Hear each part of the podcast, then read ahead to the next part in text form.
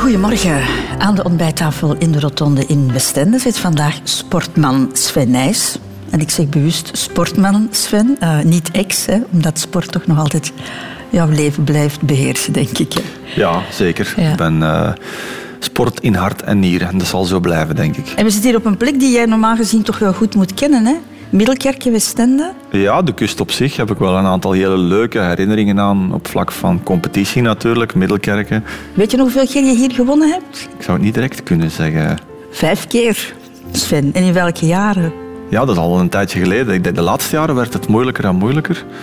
Zelfs voor het een uh, superprestigewedstrijd uh, was, heb ik hier al uh, gewonnen. was altijd de wedstrijd in de kerstperiode. Mm -hmm. Hele leuke periode om, om heel veel koersen af te werken. Het zal ergens begin jaren 2000 Ja, 2002, 2003, 2007, 2008 en 2009. Ja. Dus ik ben hier om jouw geheugen op te frissen, okay. Welkom in de Rotonde. Radio 2.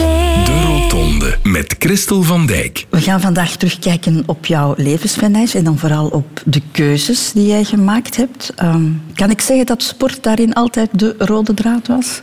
Van beide geboorten. Dat mm -hmm. kan ik toch wel zeggen. Ja, de fiets is uh, voor mij een, een, uh, een middel geweest om mij helemaal tot ontplooiing te laten komen. Mm -hmm. In alle opzichten. En dat zijn mijn ouders denk ik, in de beginjaren enorm belangrijk geweest. Want zij hebben mij de kans gegeven om, ja, om op die fiets mijn ding te kunnen doen. We hebben heel Vlaanderen, heel België, heel Europa doorgetrokken om in die tijd toen, in mijn jeugdjaren, aan BMX te kunnen doen. Mm-hmm. Ik was met mijn kameraden buiten aan het spelen op de fiets. Um, ik leerde daar van s morgens tot s avonds heel veel in bij. Uh, uiteraard was, was dat dan sporten en, en veel bewegen. Dat heeft mij altijd geholpen maar creatief in. En ik durfde ook uit mijn comfortzone komen op vlak van sport. En dat was in andere facetten van het leven was ik veel bescheidener. Kan ik zeggen dat alle, alle andere keuzes, ook privé, dat die daar allemaal mee te maken hebben? Dat dat jouw toetssteen was? Ja. Die sport? Ja, nog altijd. Ja, dat klopt. Sport is daar uh, de rode draad geweest om keuzes in het leven te maken. Dat klinkt allemaal heel doordacht en heel wel overwogen, Sven. Ja. Het woord impulsief, zegt dat jou iets? Um, het zegt mij zeker iets, maar het is niet aan mij besteed. Nee? Nee, ik ben iemand die heel doordacht um, bepaalde dingen uitvoert en nooit zomaar uit de losse pols um, iets wil gaan proberen. Daar moet wel een soort plan achter zitten of weten welke richting dat op lange termijn zou kunnen gaan. Mm, heel rationeel, heel controlerend dan ook? Ja, ik ben een controlefreak. Enorm. Vandaar dat ik ook nooit alcohol genuttigd heb tot als ik de controle kwijt ben. De eerste jaren heb ik nooit gedronken, maar nu na mijn carrière voel ik dan nog altijd dat ik zal wel eens een glasje meedrinken. Maar als ik voel dat ik de controle begin kwijt te raken, dan stopt het. Ja, je hebt gisteravond één glas wijn gedronken. Voilà. Dat is vaak het uh, scenario. en je hebt het zelf nog niet helemaal opgedronken. Je had nog een bodempje ja. laten staan. Je bent een heel bekend persoon, hè, Sven. Dus jij hebt uh, uiteraard een, uh, een Wikipedia-pagina. Een heel uitgebreide trouwens. staat heel veel op. Dit is een stukje eruit. Sven Nijs, Bonheide, 17 juni 1976, is een voormalig Belgisch wielrenner, veldrijder en mountainbiker. Hij kwam sinds 2012 uit voor de Belgische wielerploeg Krelan AA Drink, waar hij een contract had tot maart 2016. Nijs woont in Baal, waar sinds 2000 jaarlijks de grote prijs Sven Nijs wordt gehouden op nieuwjaarsdag. Voilà, dat is een stukje eruit, hè. een heel klein stukje uit die uitgebreide Wikipedia-pagina. Maar we vinden eigenlijk niks of heel weinig over, over de Sven Nijs vooraleer hij bekend werd. Hè. En dat is toch ook een heel belangrijke periode in jouw leven geweest. Dus Han Koeken heeft voor jou een nieuwe Wikipedia-pagina okay, gemaakt. Ik ben benieuwd. Sven Nijs is geboren op 17 juni 1976 te Bonheide. Mama Vera kan zich nog perfecte cijfers herinneren van baby Sven. Hij had geen haar, 3 kilo 57 woog hij en hij was 52 centimeter. Jawel, dat was een, een goeie baby. Maar hij had geen haar, niks, geen pijltje. En dat Sven fysiek een specialeke was, had de vroedvrouw ook al snel door, vertelt mama Vera trots. Oh ja, hij was zeven maanden en een half als hij liep. Dan had de, de vroedvrouw die bij mij kwam om hem te wegen, en, en, en die kwam dan ondertussen voor Brit. En die zei, dat heb ik nog nooit niet meegemaakt in mijn carrière. Je kon los onder de tafel onderdoor. Het was zo'n klein manneke. Op zijn vijf jaar ging snel Svenneke al BMX'en. En daar had onze held geen hulp voor nodig, glimlacht mama Vera. je hebt die ook nooit niet moeten leren om een fiets te rijden zonder wieltjes. Kleine Sven was toen al gebeten door het fietsvirus. En zijn ijzeren karakter kwam toen al bovendrijven, weet Jimmy Geerts, een van zijn BMX-vriendjes. Mijn vader die trainde ons zo'n beetje hier in de Rijkenvorsel in een bos. En die gaf dan een fluitsignaal. Dan moesten we beginnen sprinten. En dan fluit je terug en dan mochten wij rusten. Maar dat tweede fluitsignaal, ze negeerden dat gewoon. Je bleef sprinten. Die wou altijd beter en langer trainen. Zijn motivatie op school was echter omgekeerd evenredig met zijn motivatie op de fiets.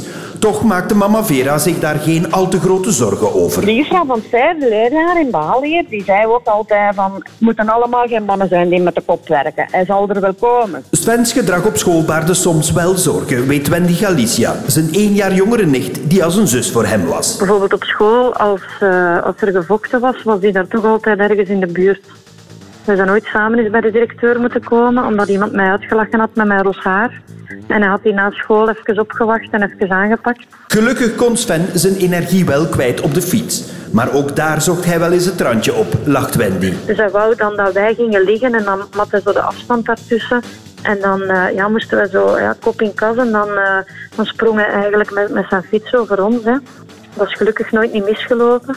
Stuntende Sven was bezeten door de tweewieler en op zijn zestiende ging hij veldrijden. Vader en moeder Nijs maakten alvast een deal met hem. Ja, dan heeft mijn man gezegd, uh, als je je diploma haalt voor elektriciteit, dan uh, moet jij van mij daarna doen wat dat jij wilt. Ga jij mee werken, oké, okay, maar ga jij, zet je alles op je fietsen, ook goed. En zo geschiedde. Sven werd een gediplomeerd elektricien die na zijn studies zijn wattages resoluut zou investeren in het wielrennen. Gebeten en boordevol karakter. En de rest is history. Maar dat is een mooi verhaal. Dat is eigenlijk een samenvatting hè, van, van hoe Ja. jouw leven in, in die jeugdperiode verlopen is. Eh, waar je het, het meest mee moest lachen, van ik zag je een glimlach tot aan jouw oren, is eh, het verhaal van jouw nicht. Ja. Dat je haar bent gaan verdedigen met de vuisten. Ja, dat, dat typeert mij ook wel, denk ik. Ik was iemand die altijd opkwam voor de zwakkeren. En ehm, je zag dat toch vaak in school, hè, dat iemand die dan door omstandigheden het wat minder had of, of, of eh, werd uitgelachen, daar kon ik niet tegen. En, en, eh, en zeker al niet als het aan familie was, ja, dan, eh, dan moesten ze na de schooluren opletten, want dan kwam ik wel ergens eh, achter, Ja? een, achter een hoek achteruit. Echt gevochten op school ooit? Eh, ik heb wel eens gevochten, ja. Ik denk dat dat wel eens meer gebeurt bij, bij jonge gasten. Maar, maar bij mij was het dan vaak om ja, iemand die, die, die zich niet kon verdedigen. daar wou ik dan wel voor opkomen. En uit dat verhaal stel ik maar één ding vast eigenlijk. Ik ben geboren zonder haar en ik zal sterven zonder haar. Jouw moeder vond het nodig om het twee keer te herhalen. ja, ja, ja. Twee keer, hè? geboren Alles zonder komt haar. terug. De Rotonde. Radio 2. Radio 2. We hadden het in het begin al over Middelkerke, Sven Nijs. Hè, jouw jaarlijkse afspraak ooit hè, voor, voor de cross hier. Maar je kende het hier al vroeger, denk ik, hè, Middelkerke. Kwam jij niet eh, met vakantie hier Ja, vroeger? eh, dat klopt. Ik heb daar heel weinig herinneringen aan. Maar in die tijd, dat was dan de jaren 80, begin jaren 80, eh, was dat de vakantie. Zeker voor mijn grootouders, die bijna nooit naar het buitenland gingen. De zee, dat was al ja, dat was, dat was Dat was al ver rijden. Eh, en dan was dat Middelkerke. En ehm, ik moet wel zeggen, als ik eh, met de auto hier naartoe kwam, als je van de autostrade komt en het bruggetje over, eh, niet ver van de autostrade, richting Middelkerke, dat is een punt wat ik mij nog altijd wel herinner. We zijn er bijna. Ah ja. Ehm, maar ja, dat, ik, heb, ik heb een fantastische jeugd gehad. Vertel eens over jouw familie, eh, Sven. Jouw mama was elektricien. Eh, wat zeg ik nu? Jouw mama was huisvrouw. Het was jouw papa die elektricien Ja, was. Hè? mijn vader was eh, elektricien en, en dat was ehm, ja, van s morgens tot s avonds keihard werken. Ehm, kleine zelfstandige. Dus ehm, overdag op de werkvloer tussen de gasten en s'avonds administratie, heel veel papierwerk. En eh, de mama zorgde voor, voor de twee kinderen. Eh, ik heb een zus die eh, twee jaar jonger is als ik. En wij hebben een heel, heel ontspannen jeugd gehad. Wij, wij hadden eigenlijk weinig grenzen. Wij mochten heel veel. Ehm, maar als we de, de grens overschrijden, dan was mijn vader wel daar om, om duidelijk te tonen dat we erover gingen. En dat, daar hadden we dan ook bang van. We wisten waar de limiet lag. Maar we hebben altijd ja, in, een, in, een, in een woonwijk gewoond waar eigenlijk bijna de hele familie bij elkaar woonde. Langs de ene kant mijn neef, langs de andere kant mijn nicht, die je net eh, haar verhaal hebt horen doen. En we waren altijd buiten aan het spelen, van s morgens tot s avonds. tikkertjes spelen, eh, BMX-parcours maken. Dat is mijn jeugd geweest. Die roots, is dat voor jou nog altijd belangrijk? Ja, ik denk dat wel dat dat nog altijd belangrijk is. En ik blijf ook nog altijd in dat dorp wonen. Ik, ik, eh, ik zou mij ook niet kunnen inbeelden dat ik in een ander dorp eh, mijn leven zou verder zetten. Ik kom daar bij de bakker en ze kennen mij dan nog als dat klein manneke die daar met zijn fietsje rondrijdt. Eh, dat zijn ondertussen de kinderen van de bakker geworden natuurlijk. Maar ik hou wel van dat dorp. En, en ik ben wel iemand die natuurlijk heel druk bezig is en wij zijn geen familielopers. Dat moet ik wel zeggen. Het is niet zo dat wij heel vaak bij elkaar de deur plat lopen. Uh, maar de momenten dat we bij elkaar zijn, koesteren we dan Ja, wel. De kermissen, de, ja. de, de, de kerstmissen, die, die dingen. Dat Ja. wel. Zoals je het omschrijft, is het een heel traditioneel gezin. Hè? Mama thuis, waarschijnlijk de zachtere factor. Papa uit werken en, en degene die, die en- maar streng moest kijken en, en, en je had al schrik Klopt, en die de ontspanning zocht in zijn weekends om met zijn kinderen naar eh, de BMX te gaan of de competitie die wij toen deden. En dat was voor hem zijn ontspanning. Dat was een familieuitstap. Elke zaterdag en zondag trokken wij erop uit in heel Vlaanderen. Eh, dat was Radio 2 op, eh, luisteren naar ochtendkuren, eh, zomers en verschuren, eh, tot de top 10. En dan waren we vaak op de, op de plaats waar we dan onze, onze BMX Als een top afwerkten. 30 begon, dan was, Ja, dan was je op de plek waar, waar, je moest zijn. Ja. Hoe, hoe herinner jij jezelf als, als kind, Sven? Ehm, ik vond mezelf absoluut een, een niet verstandig kind. Ik was iemand die vooral het met zijn handen moest hebben, met zijn creativiteit. Ik was niet geïnteresseerd in studeren, in, in ehm, iets gaan leren wat ja, waar ik niet direct het nut van inzag. En, en ehm, het heeft heel lang geduurd voor ik de klok kon lezen. Eh, ik was iemand die eh, met talen heel echt in de knoei zat. School is voor mij echt een marteling geweest. En ik denk dat, dat op, in dat opzicht ik wel iemand was die een, uit, ja, een uitweg gevonden heeft door de sport. Maar langs de andere kant wel een kind die, ja, die nooit echt de grenzen heeft opgezocht. Ik was niet een persoon, dat heeft ook met controle te maken, die graag over het muurtje ging kijken van wat zou er aan de andere kant gebeuren. Ik, Beschermde omgeving. ja, beschermde omgeving, mensen rondom mij die ik vertrouwde, daar voelde ik me wel goed bij. Maar toch, fijn, we hebben een aantal mensen opgebeld. Je hebt het gehoord, hè, jouw vrienden, jouw, eh, jouw nicht, jouw mama. Wat daar ook altijd wel eh, uit naar voren kwam, was wat- dat jij wel heel druk was. Dat jij een tomeloze energie had. Ja, het is moeilijk om dat van uzelf te zeggen, maar ik was iemand die altijd bezig was, altijd in beweging. Mijn vader was dan elektricien. Hij kwam dan vaak al eens thuis met, eh, met verschillende verlichtingen en, eh, en hij was dan in een discotheek bezig en dan moest hij dingen thuis uittesten en dan maakte ik dan een discotheek van in een tuinhuis achter. Eh, dan heb ik een paar keer aan elektriciteit gehangen en dat zijn dingen die ik me nog wel herinner. Wij maakten dan zelf onze muziekband. Ik speelde dan de Final Countdown van Europe. Ik, was dan, ik was dan de zanger. Met uh, Gibrok platen sneden we dan gitaren uit. En ik was altijd wel met iets bezig. En als het dan niet was, dan was het altijd de fiets. En je werd graag uitgedaagd ook. Hè? Jouw vriend Jimmy die zei het aan de telefoon. Je moest aan, Stem, aan Sven maar zeggen van eh, dat kan jij niet. Of Ja. je was vertrokken. Ja, ja. De, de- als het ging over, over sportieve uitdagingen, dan, dan wilde ik echt altijd wel de beste zijn. Ehm, een berg kon nooit hoog genoeg zijn. Was het Of- alleen op sportieve uitdagingen?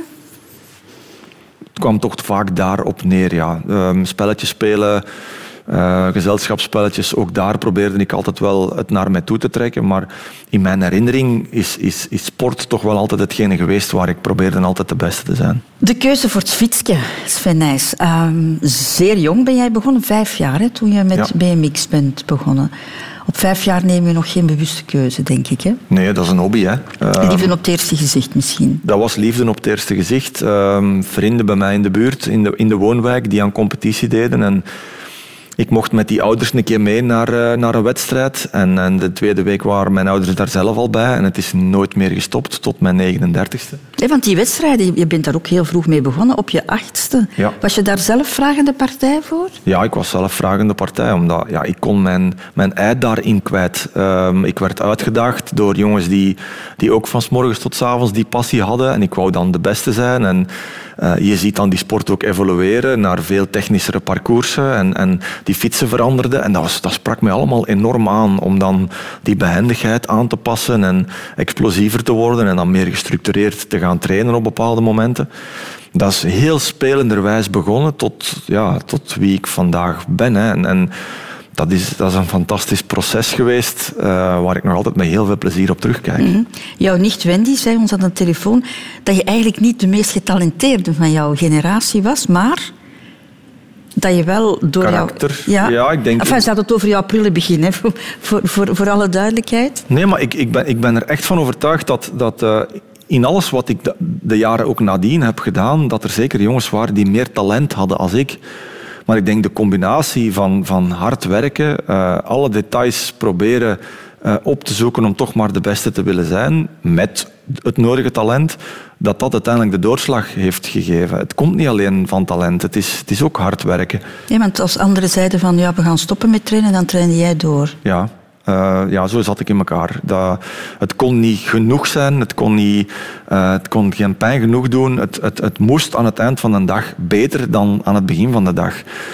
Zo heb ik altijd in elkaar gezeten en, en uh, dat heeft mij altijd blijven motiveren om, om, ja, om grenzen te blijven verleggen in, in alles. En, en, en een uitdaging te zoeken in een nieuwe generatie die komt en die toch proberen te verslagen. Er komt nieuw materiaal, materiaal en hoe ga je daarmee om?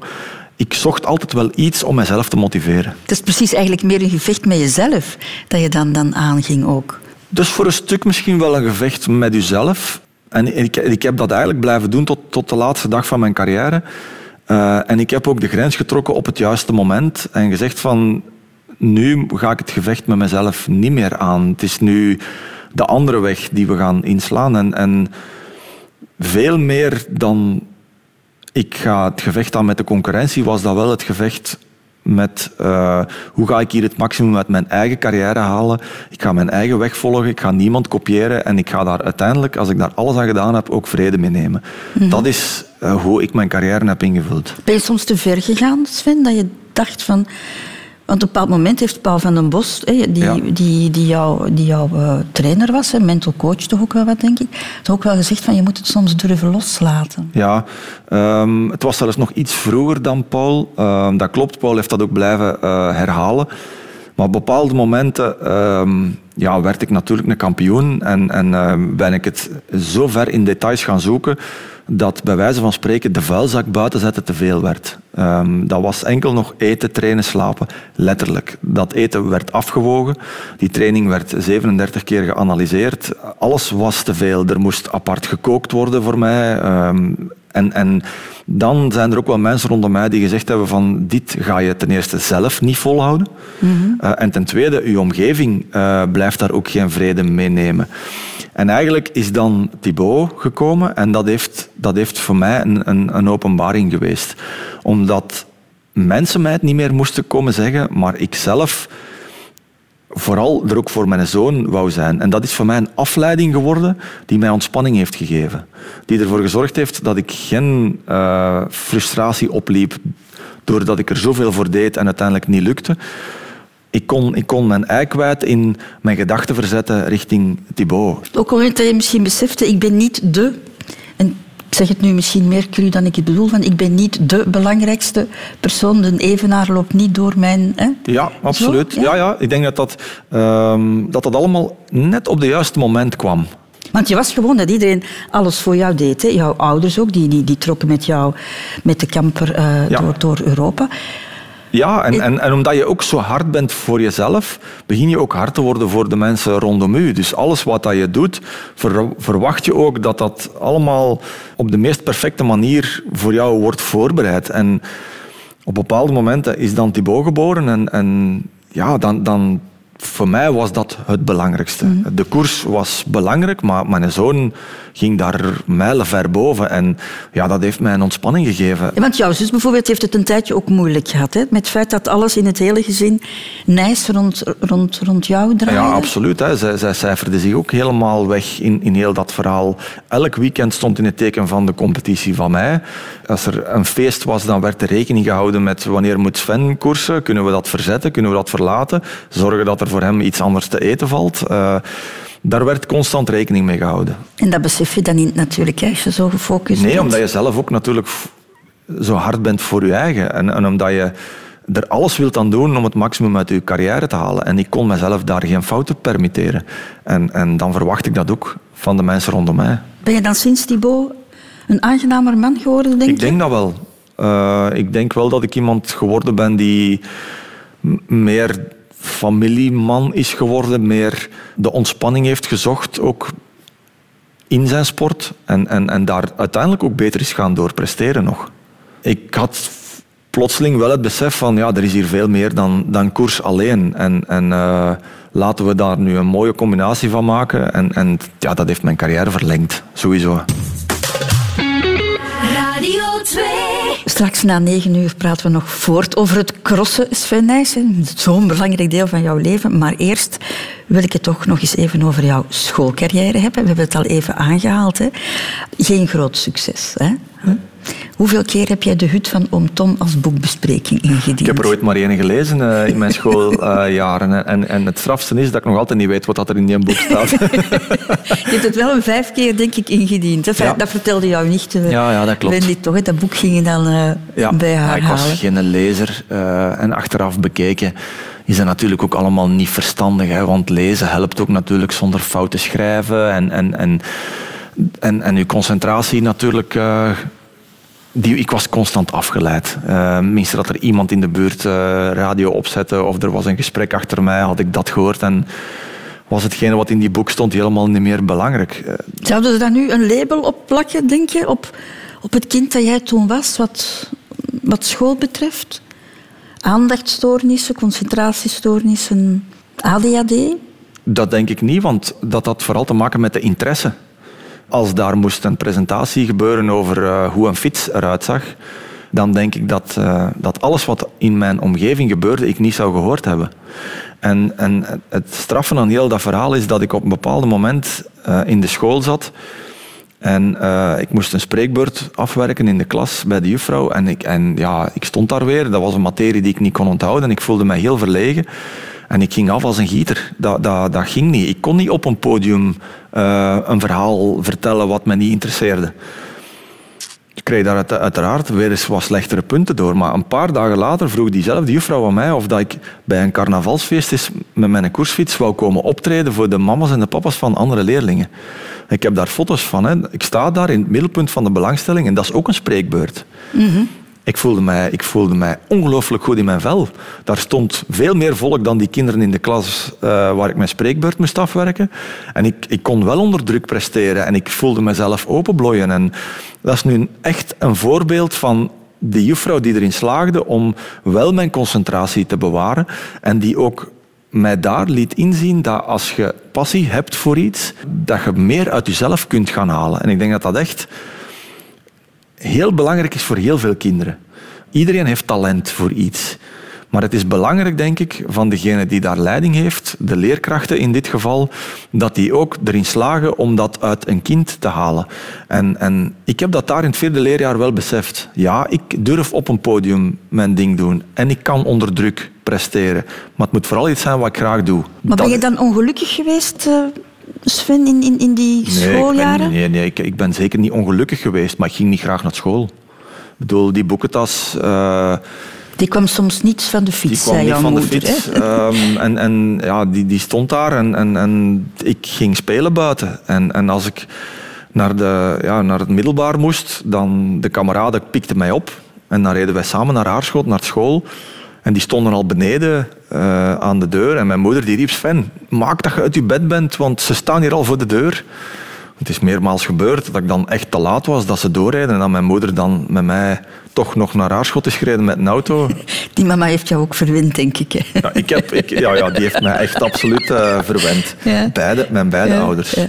Mocht jouw vader en jouw moeder jou niet onder druk hebben gezet, was je dan vroeger gestopt? Had je dan dat middelbaar onderwijs niet afgemaakt? Ik heb wel altijd ingezien dat dat belangrijk was op een of andere manier. Van ik moet mijn school afmaken. Het is nooit in mij opgekomen van mijn studies te onderbreken.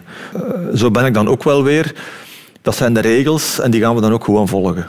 En op bepaalde momenten ben ik dan van het technisch onderwijs naar het beroepsonderwijs gegaan.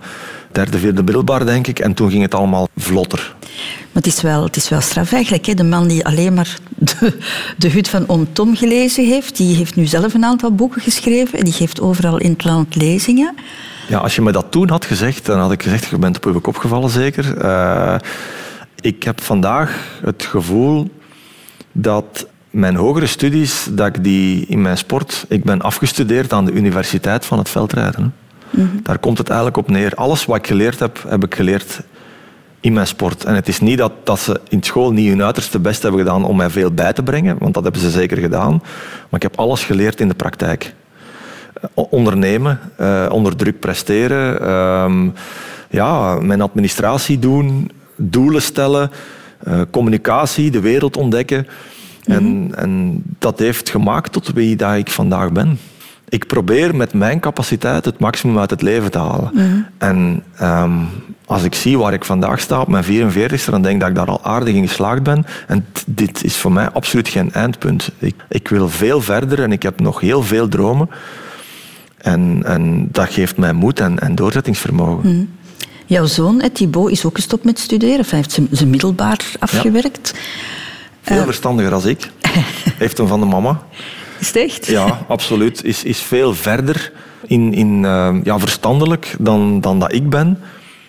Maar eh, ja, bewandelt wel dezelfde weg uiteindelijk. Zoekt ook de grijze zone op in de school met de hakken over de sloot. Terwijl ik denk van man, als je één keer je boek had opengedaan, dan slaagt je hier met, met, met 99 procent.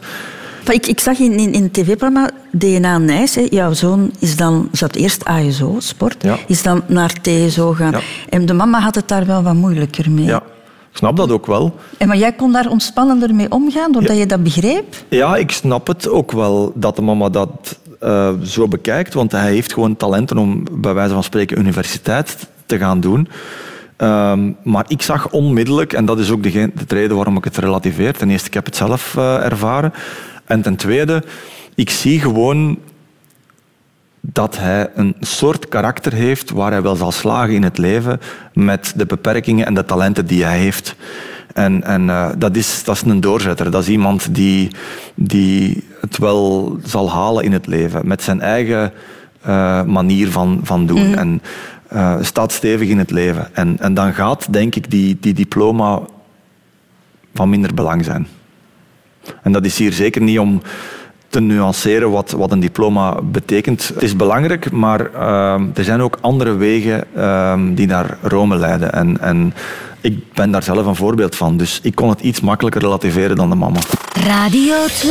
De Rotonde. Je bent begonnen in het BMX-circuit hè, wedstrijden rond jouw achtste. En jouw moeder heeft ooit eens in een interview gezegd dat jij als kind in het begin altijd geklopt werd door diezelfde jongen en dat je zonder morren tweede werd. Ja, ik was, ehm, ik was iemand die daar zeker niet ehm, mezelf bij neerlegde, maar dan probeerde van, van door de week altijd maar harder en harder daarvoor gaan te werken. En, en ja, ik heb, ik heb daar nooit echt van in de put gezeten. Dat motiveerde mij, dat zou mij zeker niet... eh, Maar zonder morren vind, ik heel straf, totdat, dat vertelde ze erbij, totdat je één keer van die jongen won. ja, ja. En dan sindsdien altijd. Ja, dus dat geeft u vertrouwen. Hè. Eén keer dat echt eh, het gevoel hebt dat je iets kan bereiken, ja, dan, dan krijg je daar een enorme energieboost van. Hè. Dus, dus Maar vond je het begin dat binnen dan niet zo belangrijk? ik minder. Ik was iemand die vooral met die fiets wou rijden. En, en wat dan het resultaat was, ehm, nee, dat was, dat was eigenlijk bijzaak. Op bepaalde momenten niet meer natuurlijk. Maar het plezier en mijn hobby kunnen beoefenen, dat was uiteindelijk eh, de doorslag. En ik denk dat mijn ouders daar vooral een cruciale rol hebben gespeeld. Hè. Ze hebben nooit druk gelegd. Voor mijn vader was dat ontspanning. Dus die heeft nooit echt eh, van zijn oren gemaakt omdat ik een bepaalde wedstrijd niet won. Dat was altijd, je dat goed gedaan, manneke. Eh, volgende week is er terug een koers.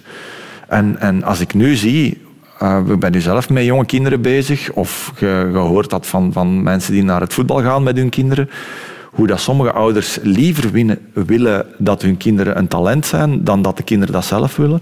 Ik denk dat dat de verkeerde ingesteldheid is. Dat moet altijd van dat kind zelf komen. En daar hebben mijn ouders echt wel een heel goede eh, manier van werken ingevonden. Maar dus uit jouzelf was je in jouw beginjaren niet de, de grote killer. De, de, Nee, killersmentaliteit. Nee. Helemaal niet. Ik, nee, ik, ik ging mij er zelf wel iets makkelijker bij neerleggen. En het is pas doordat ze me echt beginnen jennen zijn en beginnen ambeteren zijn eh, en, en voor een stukje uitlachen tussen haakjes.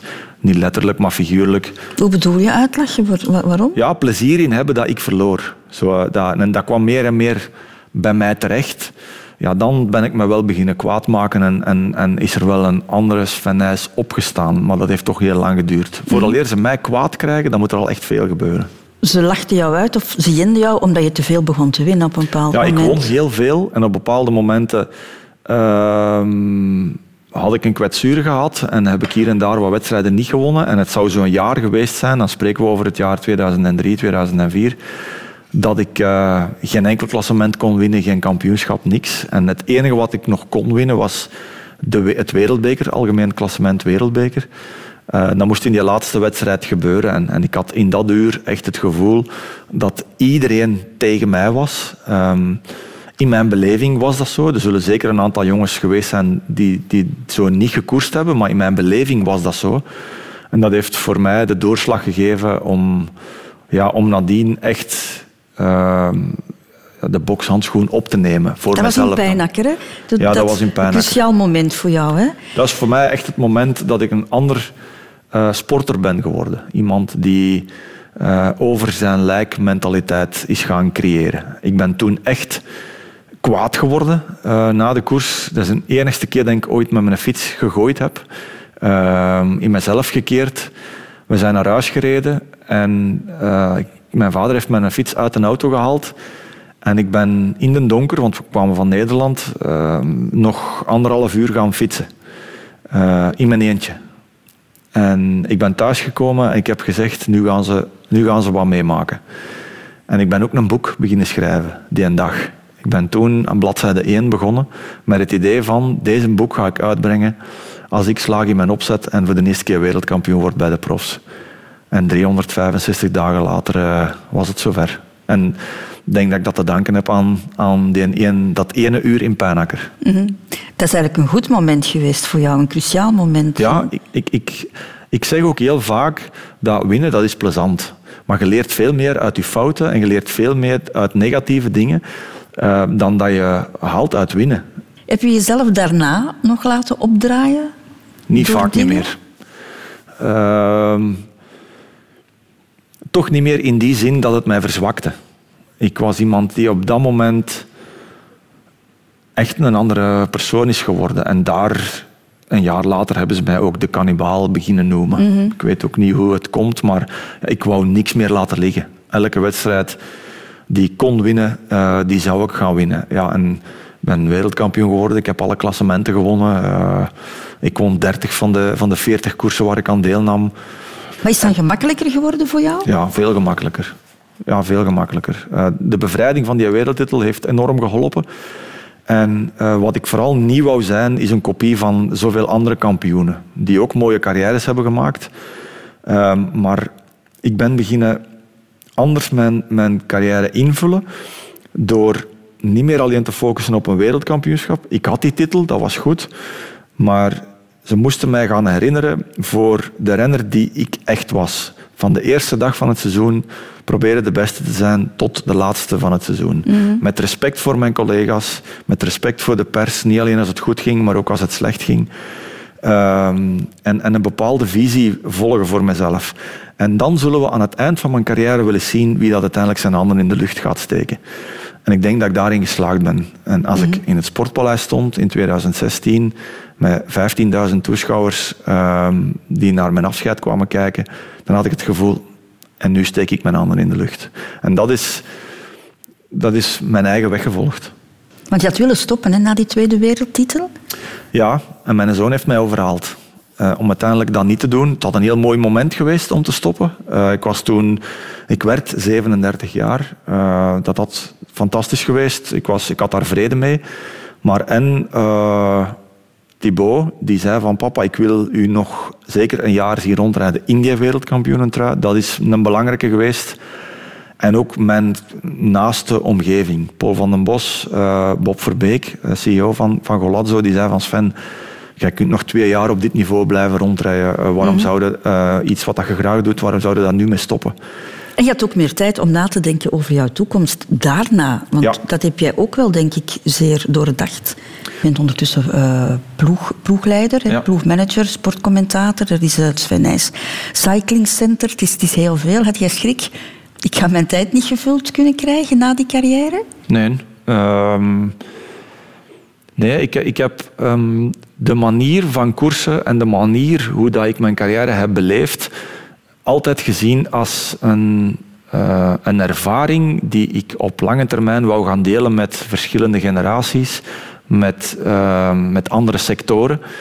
En winnen en verliezen, vooral ook verliezen, is een heel belangrijk facet geworden, nu na mijn carrière, voor de kansen die ik vandaag krijg. Ehm, ik ben niet gaan feesten na een kampioenschap. Nee, ik heb mijn titel gebruikt om sterker te worden, om, om, ehm, om opnieuw er tegenaan te gaan. Eh, nooit lang blijven stilstaan bij succes. En al die dingen bij elkaar, ehm, die heb ik in die laatste twee jaar goed over nagedacht van hoe kan ik dat nu gaan omzetten in een soort business, een soort eh, nieuw model om, om adrenaline te vinden. In tegenstelling tot blijven eh, achteroverleunen en, en teruggaan naar ja, maar ik was een kampioen en ja, maar ik heb dat gewonnen en ze zullen mij nu wel iets komen aanbieden. Zo zit ik niet in elkaar. Nee, we gaan daar met wat ik geleerd heb in die universiteit, daar gaan we nu een keer iets mee ontplooien. En dat lukt. Eh, nu al vier jaar lang en dat wordt alleen maar groter. En, en eh, ja, dat is, dat is elke dag opnieuw een fantastisch doelpunt maken. Dat gevoel heb ik. Wat mij altijd opvalt, eh Sven Nys, of misschien klopt het niet hoor, maar goed, eh, ik heb toch de indruk dat de meeste topsporters al op heel jonge leeftijd aan een relatie beginnen. Hè? Ja. Jouw zoon bijvoorbeeld was hè, 13, was 13, met ja. meisjes samen. Jij, bent er, jij had ook heel vroeg een, eh, een vaste relatie. Hè? Ja. Ja, ik denk dat dat ook wel voor een stuk eh, logisch is, omdat er moet heel snel structuur zijn in een sportman zijn carrière om rust te vinden thuis. En daar is natuurlijk een vaste relatie een heel belangrijk eh, facet van. Als je constant eh, ja, op zoek bent of, of ehm, eh, op stap gaat om, om, om, om een vriendin tegen te komen of, of, of, of plezier te gaan maken, dat is nefast voor je carrière. Dus eh, dat was onderdeel van, van, van mijn succes, dat ik heel snel stabiliteit had. Dat gaf rust. Dat gaf rust, ja. Hoe oud was je toen je je eerste vriendin had? hè? Sally heette ze, dacht ik. Ja, Was oei, dat hè? weet je ook al. Ja. Eh, Dat is ik je jong, hè? denk dat ik daar zeven jaar eh, bij geweest ben en ik was 13, 14 jaar. ja. Dus ik heb, al, ik heb heel weinig vriendinnetjes gehad, maar altijd wel lange relaties. Je was dan ook nog vrij jong toen je Isabel leerde kennen. Ja. Ik denk dat zij 17 was, Ja. jij, jij 21. Ja, Jullie zijn ook snel getrouwd. ja snel, snel kinderen gekregen. Ehm, ja, dat is ook allemaal heel vlot gelopen. En, en, en ehm, wij zijn snel gaan samenwonen. We hebben snel gebouwd. eh Thibaut is gekomen. Dat is allemaal heel spontaan en heel gemakkelijk verlopen. En, en zij was, eh, zoals ik zei, verstandig, maar stopte ook haar studies onmiddellijk. Niet omdat ik daarachter vroeg, maar ze wou echt er zijn voor de coureur. En dat zijn ja, plezante, leuke jaren geweest, hè, waar we alleen maar succes hebben gehad. Ja, er is, er is weinig negatief te vertellen over die periode. Weet jij nog hoe jij als jonge gast over de liefde dacht? Of dacht jij er eigenlijk niet echt over na? Dat was iets wat jou overkwam. Ja, dat was iets dat mij overkwam. Dat is ook nooit echt een, een, een, eh, een moeilijk proces geweest. Eh, dat, dat, dat was liefde op het eerste gezicht. Dat was een, een goed gesprek en, en dat we, daar ontstond een relatie. Ja, dat, dat is nooit echt een ingewikkeld eh, proces geweest in mijn ogen. Ik, dat, dat gebeurde. Ik denk dat dat ook het meest gezonde is. Maar zoekt een topsporter ook naar iemand die zorgend is als partner? Ja, dat denk ik wel. Ehm, ik denk dat dat ook een beetje streekgebonden is. Ehm, als je, ik, ik, werk nu natuurlijk ook veel met Nederlandse atleten en daar merk ik veel meer dat een, een atleet daar veel zelfstandiger is. Die zorgt ook mee voor het huishouden, die, die taken zijn verdeeld. Een, een Belgische eh, atleet is toch iemand die veel meer steunt op, op zijn relatie om alles voor hem te regelen. Is dat zo? Ja, dat is zo. Zijn de Vlaamse topsporters, de mannen dan... Te, ja? Ja, eh, wij laten ons graag eh, in de watten leggen. En die mentaliteit is in Nederland bijvoorbeeld helemaal anders. Zie je dat bij Thibaut bijvoorbeeld ook? Oh, zeker. Ja, ja, en ik heb al, eh, ja, ik heb, ben natuurlijk een voorbeeld van hoe het, hoe het niet moet. Hè. Ik denk dat het belangrijk is dat je heel snel ook zelf verantwoordelijkheden neemt. En je gaat er echt niet slechter van presteren van een keer je valies zelf te maken of een keer de vuilzakken buiten te zetten. Integendeel, het maakt u alleen maar sterker in het leven dat je die dingen ook allemaal aan kan. Dus ik zeg zijn vriendin dan nu ook altijd. Je moet u zo niet laten vangen. Nu begin je de vrouwen op te Ja, ja, ja. ja. Eh, ik Na heb het- een moeder die alles voor jou gedaan ik heeft. het, ik weet het. Ik heb het nu wel door hoe het spel in elkaar zit. Maar, maar ja, goed. Het gebeurt wel weer. Eh, dus zij is ook heel zorgend. En, en ze wil dat ook doen. Je kunt dat natuurlijk ook niet tegenhouden. Maar eh, ja, Thibaut zou, zou in mijn ogen nu toch wel iets meer ook zelf moeten initiatief nemen. Jullie zijn na twaalf jaar uit elkaar gegaan, eh. Sven. Ik heb jou in dit gesprek al leren kennen als een zeer controlerend man. Ja. Hoe erg is dat om voor iemand met jouw karakter om dat los te laten? ja, de kluts kwijt. Hè. Dat is eigenlijk eh, kort samengevat. Dat is een, een moment dat je nooit verwacht dat dat gaat gebeuren in je leven. Ehm, maar dat is ook niet iets dat vandaag op morgen ontstaat. Dat is een proces dat ik misschien niet heb zien aankomen en dat uit elkaar groeien is. Eh, meer en meer ons eigen ding beginnen doen. Tot op bepaalde momenten er fouten gebeuren. Langs beide kanten. Ik hoef daar ook geen steen te werpen. En dan is dat heel breekbaar. En dan, ja, dan, dan neem je daar beslissingen in. En worden er keuzes gemaakt. En dat is moeilijk. Ja, want ik denk niet dat er eh, relaties eh, gebroken worden zonder dat dat even moeilijk is. Maar ook daar, ehm, in heel dat verhaal, in heel dat proces, denk ik dat we nu, als ik daarop terugkijk, zoveel jaar later, erin geslaagd zijn om dat op de meest fatsoenlijke manier te doen. En er is maar één schakel die daar enorm belangrijk in is, en dat is onze zoon. Die eh, de rode draad in onze, eh, eigenlijk tussen haakjes, relatie nog altijd is. Er is contact, er is ehm, belangrijk contact, omdat we samen nog altijd zorgen voor Thibaut. Maar wij zijn beide apart gelukkig in onze gezinssituatie nu. En ik denk dat dat ook de rode draad eh, moet zijn. Maar is dat moeilijk? Ja, tuurlijk. Dat ga ik niet ontkennen. Ben je in die periode over jouzelf gaan nadenken ook? Ik ben in dat opzicht dan ook wel weer heel rationeel en, en, en denk dan ook van oké, dit gebeurt nu. Dat is hard eh, en ik bots hier fameus met mijn kop tegen de muur. Eh, maar we gaan dat wel aanpakken. En ehm de enige wat dan nu belangrijk is in die eerste fase is Thibaut. Eh, ik ga mijn trainingen doen en ik ga die afwerken en ik zal wel zien waar het schip strandt. Maar als ik er vandaag niet ben voor Thibaut, dan ga ik mij de rest van mijn leven verwijten. En als ik twee, drie wedstrijden of misschien een heel seizoen minder presteer, dan ga ik geen seconde na tien jaar nog wakker van liggen. Dus ja, ik deed mijn job nog, maar mijn belangrijkste job was er zijn voor Thibaut. En dat is een moeilijk moment, omdat ik was in een fase van mijn carrière dat de pers natuurlijk ook graag ziet dat je een keer een aftakeling hebt. En heel veel begonnen toen te schrijven van het is het jaar te veel. Hij kan het niet meer. Dus dan bots je niet alleen tegen eh, de fase van uzelf eerst op de rails krijgen, maar ook nog eens de fase van de druk van buitenaf, die denken dat ik het niet meer kan. En dan moeten we gewoon echt rekenen op de mensen rondom u. En dan is Paul van den Bos, mijn ouders, ehm, mijn omgeving rondom mij enorm belangrijk om die rust te bewaren. Eh, en te zeggen van oké, eerst de dingen die belangrijk zijn en dan, als dat op de rails is, dan gaan we er terug vol voor. En we gaan er nog één jaar uitpersen wat we gaan tonen dat dat jaar te veel niet ontstaat. ja. Dat heeft mij opnieuw kracht gegeven om opnieuw een nieuwe generatie te proberen verslagen. En toen ik daarin slaagde, toen dacht ik van ja, Sven, de cirkel is rond. Het is klaar. Ik ben voldaan in mijn sport. Eh, ik ben gelukkig eh, in mijn nieuwe relatie. Eh Thibaut heeft een heel goed evenwicht gevonden. Vindt liefde bij de mama, vindt liefde bij de papa.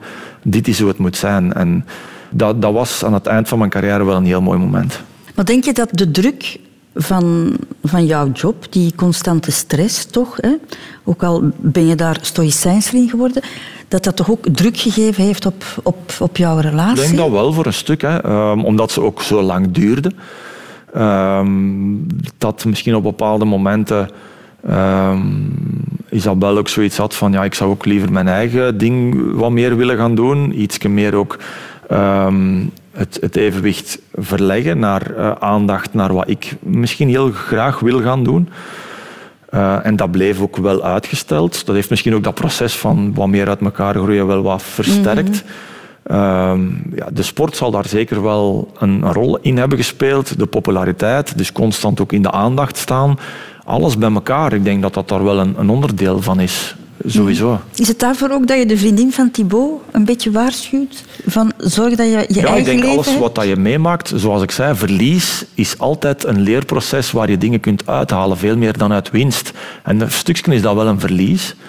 Ehm, wat je nu meegeeft aan die nieuwe generatie. En, en daarom dat ik tegen haar nu ook zeg, Melanie, de vriendin van Thibaut, zorg dat je je eigen vriendinnen hebt. Zorg dat je ehm, echt ook je diploma haalt, een job eh, waar dat je je kunt op focussen. Eh, hij moet zijn eigen plan ook maar leren trekken en, en niet alleen in teken van Thibaut. Want stelt u voor dat het straks wegvalt. Ze zijn nog heel jong, laten we hopen dat dat niet gebeurt. Maar dat moet ook een eigen leven hebben. Dan, dan, dan is het ook belangrijk dat je op je, op je beide benen staat. Eh, dus ik zeg dat wel. Ehm, en dat is waarschijnlijk ook wel omdat ik dat zelf heb meegemaakt. Ja. Sven Nijs, we hebben het daar net over gehad dat eh, jij en Isabelle uit elkaar zijn gegaan. Hè? Ehm, Thibaut was twaalf zeker, hè? op dat Ja. ogenblik. Dat is een leeftijd dat een kind al, al heel veel beseft Ja. natuurlijk. Hè? Hoe, hoe hebben jullie hem dat verteld? Goh, hoe hebben we dat verteld? Heel open, met z'n drieën bij elkaar. Ehm, zoals dat, dat ook hoort. Ehm, en, en, en ook daar, ja, dat is emotioneel natuurlijk, maar, maar ook daar was Thibaut heel verstandig, heel zelfzeker en, en, en eigenlijk meer troostend naar ons dan wij troostend naar hem. Is het echt? Ja, dat is, dat is dat is nooit een mooi moment, maar het is wel knap om te zien hoe hij daarmee om is gegaan. Op een of andere manier, ik weet niet of dat hij dat toen al besefte, maar ik denk dat hij, zoals nu ook, vooral ziet dat het is beter dat ze gelukkig zijn uit elkaar dan dat ze ongelukkig zijn bij elkaar. Dat, dat, die zin eigenlijk, dat is, dat is hoe dat ik hem zie. Zal hij daar verdriet van gehad hebben? Ja, zeker wel. Ik denk dat dat ook logisch is. Ofwel heeft hij het wat weggestoken, zodat we dat we het veel minder gezien hebben. Maar ehm, er was altijd een knuffel en altijd, we komen hier wel door. Niet altijd met woorden, maar je voelde dat gewoon. Nu, jullie hebben gekozen voor een, een soort co-ouderschap. Hè? Ja. Waarom wou jij dat? Want het Ja, maakte jouw er- leven moeilijker, uiteraard. hè? Het maakte mijn leven moeilijker, maar ik zou me niet kunnen inbeelden dat ik, eh, dat ik een leven had waar ik mijn zoon niet evenveel zag als de mama. Ehm, voor mij is mijn zoon het allerbelangrijkste. Ehm, en ik wou daar onderdeel van zijn. Eh, hoe moeilijk dat dat ook is. Eh, die handschoen wil ik wel opnemen. Desnoods eh, stop ik mijn carrière daarvoor, maar ik ga er zijn voor hem. En, en ja, ik zeg het, dat, dat, dat is met vallen en opstaan. En dat is in het begin eten klaarmaken en, en, en, en drie dagen later denken van ja, ik ben hier eigenlijk hetzelfde aan het maken, want veel meer kan ik niet. Maar op zich eh, lachte hij daar dan op den duur ook wel mee. Het zal wel dat zijn zeker. Je hebt ook je was zelf gedaan. De was zelf gedaan en, en eh, alles opgeschreven, want twee dagen later weet je natuurlijk niet meer welke knop dat je moet induwen. Maar ik schreef dat dan op, op een papiertje. Ik heb dat denk ik thuis nog liggen. Ehm, witte was. eh, dan moest ik weten hoeveel, hoeveel graden moet dat zijn in de droogkast. En dan beneden in de kelder moest ik die bak dan leegmaken voor dat water uit te kieperen, want anders liep dat over. En, en ik zal dat nooit vergeten. Het, het afwasmachine, eh, dat zijn allemaal van die stomme dingen Maar waarom wou je geen hulp daarbij? omdat ik... ja, Ja, dan ben ik ook wel ehm, eigenwijs. En, en dan... eh, ik heb zelf voor die problemen gezorgd, dus ik zal ze ook zelf oplossen. Allee, een stukje voor de problemen zelf gezorgd, maar ik wil maar zeggen, ze moeten mij nu niet uit de nood komen helpen. Eh, ze zijn mij ook niet komen helpen als ik die relatie ge- eh, begonnen ben. Dus Sven, trek nu zelf ook maar uw plan. Uit een soort van trots waarschijnlijk Ja. ook. Van, ik kan dat ook Ja. als, het- als het moet. En, en, en nu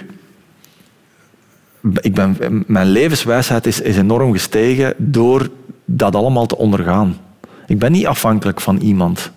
Ik kan door het leven zonder dat ik iemand nodig heb. Wel, liefde heb ik wel nodig en warmte rondom mij. Maar puur qua materiaal en, en hoe dat ik met dingen moet omgaan, heb ik het onder controle. En dat is wel een fijn gevoel.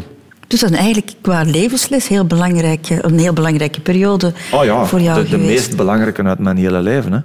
Dat heeft niks met sport te maken. Dat heeft gewoon te maken met ehm, hoe onzeker of hoe, of hoe zeker eh, kan je het leven aan. En, en ja, dat is een, dat is een, eh, een studie geweest van, van, van een goed jaar waar ik mezelf eh, heb moeten heruitvinden. Ook al liep jouw carrière dan dat, dat jaar veel, veel minder goed natuurlijk. Ja, maar dat was bijzaak. Je hebt nooit ongerust over gemaakt. Nooit ongerust over gemaakt, omdat ik ook wist dat ik eigenlijk maar op 80% van mijn kunnen aan het, aan het trainen was, aan het, aan, het, eh, ja, aan, aan het presteren was. Ik heb daar ook leren inzien dat wat stress met een mens doet. Ik lag s'nachts wel al eens wakker. Van, hoe ga ik dat wasmachine hier morgen vroeg eh, in gang krijgen? Of wat zou Thibaut daarvan denken? En, en je piekerde wat meer. En ehm, dat, dat, dat dat een negatief ehm, gevolg op mijn lichamelijk gevoel. Ik kreeg al eens een keer een, ontstoken hand of, of last aan mijn knie. Ja, ik sliep s'nachts, mijn hart dat bleef eh, kloppen, dat, dat, dat vond geen rust. Dat was een, een, een negatief stressgevoel. Dus, en en dat, dat, is, dat is een proces wat ik nooit zal vergeten, dat, wat dat dan met een mens doet. En daarom is nog maar eens duidelijk dat een warm nest, dat dat in alle opzichten enorm belangrijk is om op de werkvloer, in het dagdagelijkse leven, goed te kunnen presteren. Ehm, Dat is bij jou ook veel. Hè? Je moest een scheiding verwerken en dan eigenlijk uit jouw glazen stolp ook komen. Ja. Hè? Ja, dat klopt. Ik heb nooit een burn-out gehad. Ik heb daar nooit van in de put gezeten. Maar ik heb wel gevoeld eh, wat negatieve gevolgen zijn van, van zo'n situatie. En, en eh, die probeer ik nu ten allen tijde te vermijden. Eh, en ik denk dat dat, dat dat ook iets is wat ik heel graag met andere mensen wil delen. Een burn-out krijg je niet alleen van de opdrachten die in uw werk worden gevraagd van u, van uw baas. Die gebeuren ook omdat na die drukke periode op uw werk er ook thuis geen rust gevonden wordt. Dat een chaos is. En al die dingen bij elkaar, dan zet je gewoon 24 of 24 aan het jagen en daar gaat het aan kapot. En daarom heb ik mijn carrière op dat moment even op het tweede plan gezet. Dat gedaan eigenlijk meer als fysieke ontspanning, waardoor ik die stress die thuis was, kon verwerken. Is echt de rode draad door, door het hele gesprek, Sven. Door die doordachtheid van jou, dat Ja. rationele denken. Heel analytisch kan jij ook denken. Hè? Je laat jouw emoties nooit de overhand nemen, heb ik de indruk. Nee, je moet knopen doorhakken. En als je het gevoel hebt dat het langs de ene kant fout loopt, dan moet je langs de andere kant wat afremmen om die ene kant op te lossen. Dat maakt me wel enorm gelukkig dat ik dat evenwicht kan vinden. Eh, ook ondanks kritiek, hè, want er komt kritiek. Eh, je staat in een dag allemaal en in de story en, en, en de pers zegt je bent te oud en je kan het niet meer. En alles bij elkaar geeft u nog eens een extra druk. Dus je moet al stevig in je schoenen staan om daar dan mee om te gaan en echt geloven in je plan dat je op dat moment wilt uitvoeren. Eh, maar als dat dan lukt, ja, dan, dan, dan zijn je de koning te rijk. Radio 2. Je bent er eh, 44, Sven Nijs. Je leeft gezond, dus normaal gezien heb jij nog wel wat jaren voor de boeg natuurlijk. Maar die allerlaatste afslag, de dood, die gaat er toch aankomen. Dat is een wedstrijd die je niet gaat kunnen winnen. Nee, die moet je ondergaan. Eh, dat is voor iedereen eh, net hetzelfde. En het is niet zo dat eh, gezond zijn, dat is voor mijzelf belangrijk, om het hopelijk zo lang mogelijk te rekken. Eh, maar ook om op korte termijn zoveel mogelijk opdrachten goed te kunnen uitvoeren, fysiek en mentaal sterk in het leven staan. Maar het is zeker niet zo dat, dat, dat ik niet de pech kan hebben om, van, om morgen ziek te worden. Dat kan mij ook overkomen. Maar je bent er wel heel erg mee bezig. Hè? Ja, Hoeveel medische boeken heb jij in jouw boekenkast staan? Meer dan, eh, dan van die boeken zoals De Hut van Oom Tom. Eh, dat kan ik je wel verzekeren.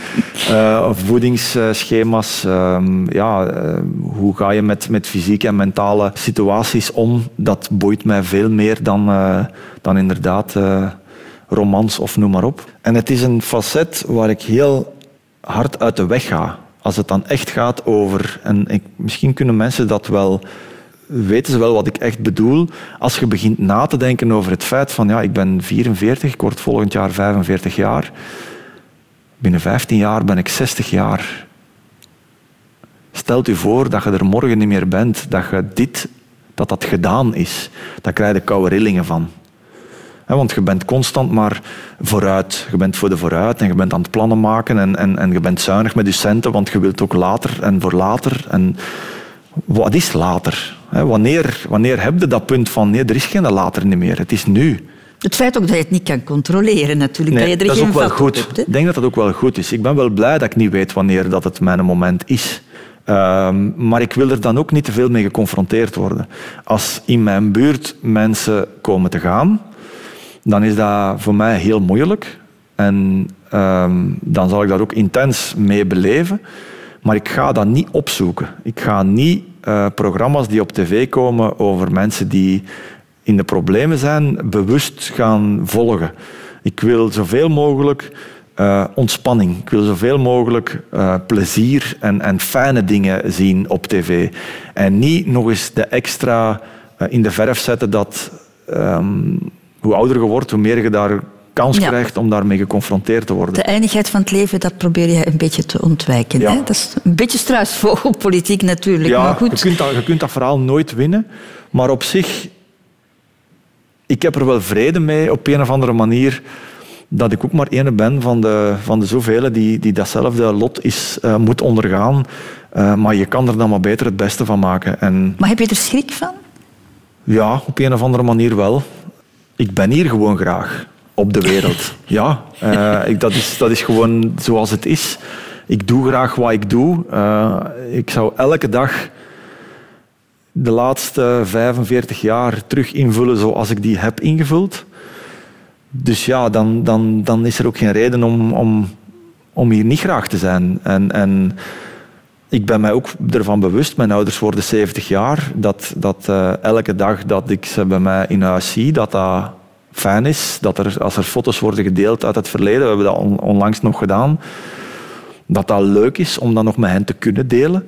Eh, maar dat er een moment komt dat ik die foto's bekijk, als ik natuurlijk langer mag leven als, als mijn ouders, wat in principe de normale gang van zaken is, dat ik ze dan bekijk zonder dat ze daarbij zijn. Dus ik koester wel die momenten. Ook al zeg ik dat niet altijd en ik ben ook druk bezig en ik zie ze niet alle dagen, maar je kunt er maar beter nu van profiteren. Daar komt het eigenlijk op neer. Ja, je hebt onlangs een goed jaar geleden afscheid moeten nemen van iemand die jou zeer nauw aan het, aan het hart lag. Hè? Eh, Jan van der Motten, de, de regisseur van, eh, Ja. het laat- van Sven het laatste jaar en DNA Nijs. Iemand Ja. die zowat elke dag bij jullie over de vloer kwam, bij wijze van spreken. Ja, ik denk dat ik een van de eerste was eh, waar hij aan kwam vertellen dat hij, dat hij kanker had. Hij woont niet zo ver van bij mij en, en wij waren samen aan een project aan het werken. En de, de, wilskracht, het doorzettingsvermogen om, om uiteindelijk dat gevecht aan te gaan, dat was fenomenaal.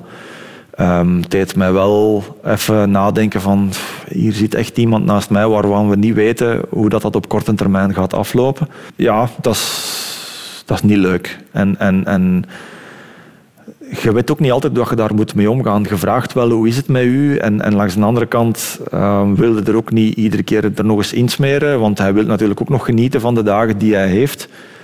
Ik heb dat wel heel bewust meegemaakt um, en, en ik besef heel goed dat Jan iemand is waar ik nog heel vaak aan terugdenk. En ik heb dat niet heel veel met mensen, maar bij hem heb ik dat wel. Omdat dat was een warme mens, dat was een, een creatieveling die um, zichzelf in de problemen zou brengen om een ander gelukkig te maken. Dat was Jan. En, en dat past wel een stukje bij wie ik ben. We, dat we hadden echt een hele goede klik met elkaar. En Ja, wat mensen weten in zo'n geval niet goed wat ze moeten doen. Hè. Zoals je al zelf zei, ik, ik, ik vraag dan wel hoe, hoe, hoe gaat het met jou. Maar over zo'n dingen praten, sommige mensen willen dat of ontwijken dat. Hè. Ja, maar ik had Hoe natuurlijk was het jij geluk. daarin? Ah, wel, ik had natuurlijk het geluk dat wij aan iets aan het werk waren wat zijn, eh, zijn levensdroom was. Het verhaal van Sven en Thibaut in beeld brengen. Ja. Dat was zijn levensdroom. En hij zei me dat ook letterlijk. Als ze me dat afpakken, dan is het gedaan. En dat heb ik intens beleefd. Dat als er een draaidag was en hij kon er dan nog bij zijn, En dat werd aan het eind van het verhaal natuurlijk moeilijker en moeilijker. Maar hij haalde daar op een of andere manier toch nog kracht uit om, om, om langer te leven. En daar komt het op neer. En, en eh, ik denk dat dat hetgene is wat ik gewoon nog geprobeerd heb om voor Jan toch nog te betekenen. Dat, dat uh, DNA Nijs in het laatste jaar dat dat hem, hem nog energie heeft gegeven om het dan toch nog iets langer te rekken. Ik zie ook wel dikwijls bij mensen hè, dat ze uit iets kracht putten om, om, om het Ja, toch denk- nog een, een verlengstuk te geven. Ja, absoluut.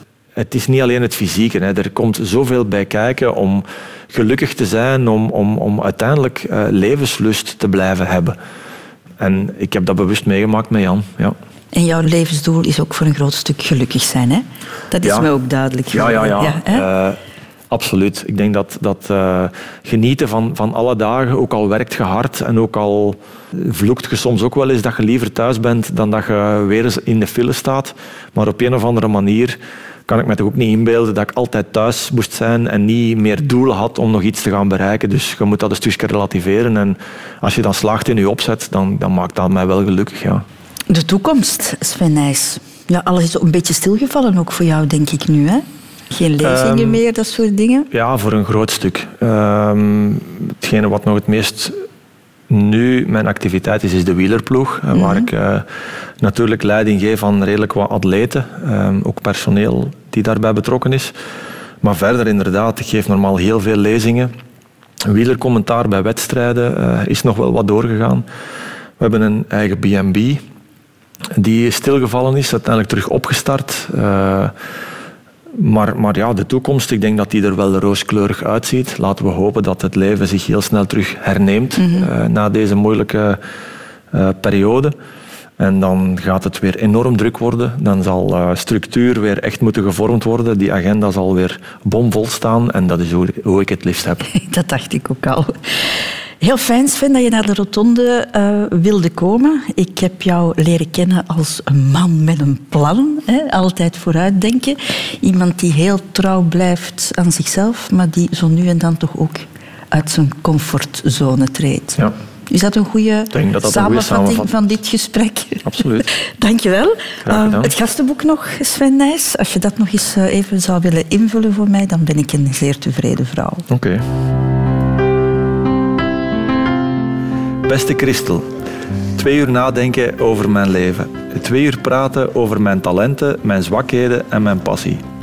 Het doet je eraan herinneren dat het leven snel gaat. Het doet je vooral beseffen dat je moet koesteren wat je hebt en moet relativeren wat je niet hebt. Ik ben een controlefreak, dat klopt. Maar gelukkig niet van die aard dat het me versmacht. Ik ben gelukkig en dankbaar voor alles wat ik heb mogen beleven en zal deze manier van leven delen met mijn familie. Want één ding zal ik niet toelaten, dat is dat deze manier van leven mij wordt ontnomen. Want winnaars, die hebben een plan. Sven Nijs.